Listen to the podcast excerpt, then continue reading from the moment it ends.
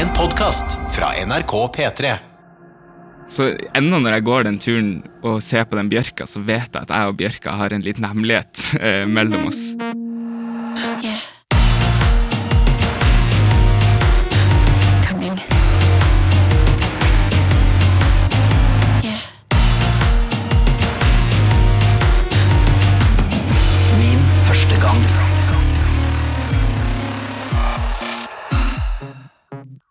Ja, så jeg har ikke så interessant eh, sånn første gang jeg hadde sexhistorie.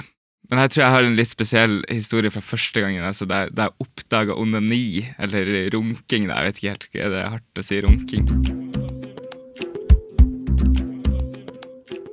Og da skal vi tilbake til eh, sommeren til sjette klasse, tror jeg. Hvor jeg var eh, kanskje 10-11. Bodde på en liten plass i Nordland, hvor jeg vokste opp. Jeg var ganske underutvikla. Jeg var litt prepubertal, var litt tjukk eh, og liten. På den tida så var jeg ganske uskyldig. Jeg var jeg hadde ikke blitt eksponert for så mye av liksom porno og sånne type ting. Jeg hadde liksom styrt veldig unna det, så jeg visste ikke helt eh, sånne seksuelle detaljer og sånn. Eh, så jeg var, var ikke helt um, up to date med noen av de andre guttene da i klassen. Jeg ser for meg på større skoler så er det veldig mye snakk om sex og eh, hva, hva vil gjøre med henne, men vi var så få, eh, og vi var mest sannsynlig alle i slekt, så det var, veldig, det var ikke så mye snakk om sånne type ting på den skolen jeg gikk på. Eh, Så derfor kan det jo hende at av det så være litt undereksponert sånne seksuelle tema. da. You and I, the serendipity. det var, altså denne sommeren, det, altså Min søster ville at vi skulle gjøre noe med at jeg var litt tjukk. da. Så denne sommeren så hadde vi et prosjekt, og det var at jeg skulle bli tynnere. Så da dro hun meg ut av rommet mitt, og så tok vi på turklær. Og så gikk vi over et fjell, det er en cirka halvannen time som vi gikk over det fjellet. Og så kom vi tilbake hjem, og så fant hun fram et vepsebol. Altså et lite rødt drops som hun hadde. Og så sa hun Joakim, nå har du vært flink, du har gått eh, tur, veldig bra. Eh, da skal du få et vepsebol av meg. Og for hver tur du tar over det fjellet denne sommeren, så skal du få et vepsebol. Og var, jeg, var jo, jeg var jo litt rundt, så det var nok motivasjon for meg, på en måte, til at neste dag så våkna jeg opp og spiste frokost og tok på meg turklær. Og gikk over det, samme ruta da, over det fjellet alene.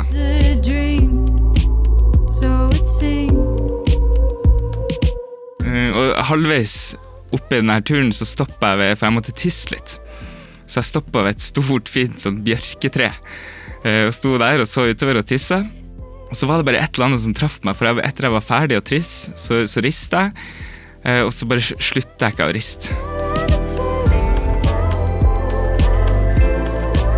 Jeg tenkte det her føltes jo merkelig digg. Det var, det var ulikt noe annet jeg, jeg hadde oppdaga, liksom. Så jeg sto bare ved det bjørketreet og rista, eh, sikkert i flere minutter. Fordi altså, når du oppdager onani, så vet du jo ikke helt hva, hva det skal resultere i. Du bare tenker at det her var en god prosess, prosessen er god. La meg fortsette å gjøre det her. Så etter hvert så kommer jeg da på det bjørketreet, og det var helt uh, utrolig. Jeg skjønte ikke hva som skjedde. Det var en helt fantastisk opplevelse. Jeg var ikke helt forberedt på det. Men det jeg heller ikke var forberedt på, var liksom den store bølgen av skam som slo over meg. For jeg var jo en kristen gutt, så jeg følte at det her var altfor godt til å kunne være bra, da. på en måte at Jeg følte jeg hadde svikta Gud på et eller annet vis. Så da var jeg liksom veldig skamfull, og jeg gikk ned på, klær, på knær og jeg ba til Gud. Og jeg, jeg tror det er en ganske rart bilde hvis det hadde kommet noen da og sett noen liksom runke på det bjørketreet, og så sette seg ned på knær og be etterpå. Jeg tror det De hadde tenkt at han digger trær. Han, han liker trær.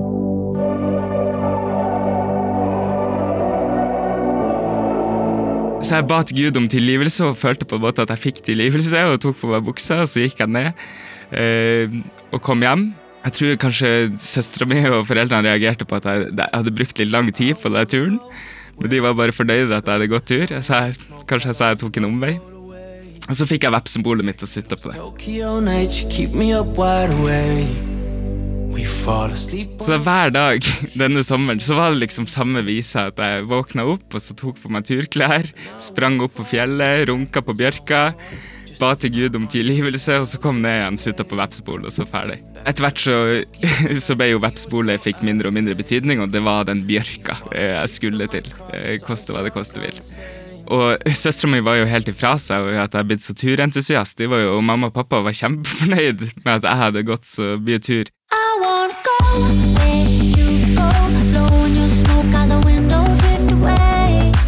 Og etter hvert så lærte jeg jo, skjønte jeg jo Det var jo minst like stor overraskelse at jeg, trengte ikke å være på den bjørka eh, for å runke. Det kunne jeg gjøre andre plasser også, og da ble jeg jo hekta eh, den sommeren.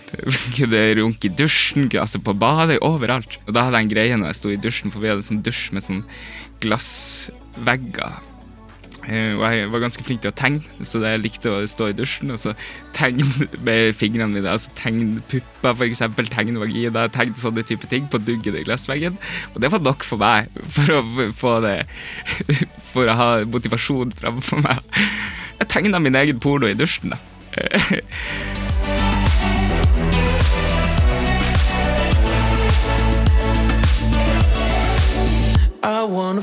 Så etter det her så var jeg jo ganske Da ville jeg utforske på alle mulige plasser. der. Vi var jo på sånn ferietur til Italia, og vi bodde i et kloster, i et nonnekloster, og da husker jeg at det, da var det ekstra hardt. Men jeg klarte ikke å holde meg så etter jeg oppdaga det her, så da eh, onanerte jeg også i det nonneklosteret. Og det følte jeg, da følte jeg ordentlig skam, altså. Det tror jeg kanskje er riktig.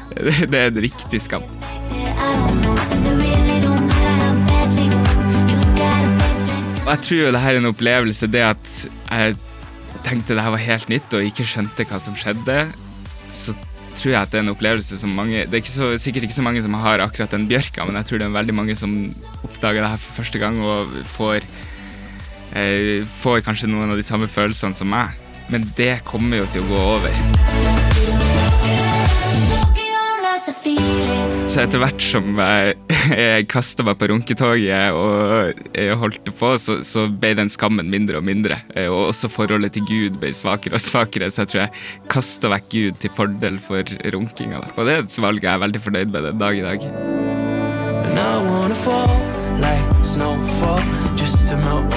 Når man begynner på ungdomsskolen, sånn, så blir det litt prating om, om sex og sånn.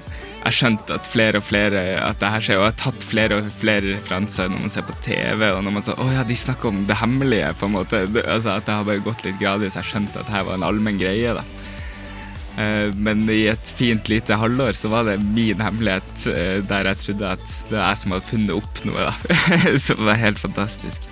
Men da ble det mer et Følte jeg det mer som en konkurranse. Eh, Når man begynner å åpne seg om runking og har oppdaga alle har oppdaga det, og hvem som er mest moden, da. De tøffeste, de eh, runka best, eller ja. Det ble enda en ting hvor man skulle prestere i, og som man skulle måle seg opp etter de andre med. Og noe av det mystikken ble jo litt borte, da. Og det er jo synd. Den frihetsfølelsen ved å runke ved en bjørk, det er på en måte det sex skal være for meg, da. En ny historie om seksuell debut får du om en uke. Min første gang er produsert av Rubicon for NRK. Produsent Ingrid Torjesen, research Ebba Skjølberg Eiring, lyddesign Viljar Losnegård og redaktør i NRK Jan Egil Odland. Du har hørt en podkast fra NRK P3. Hør flere podkaster i appen NRK Radio.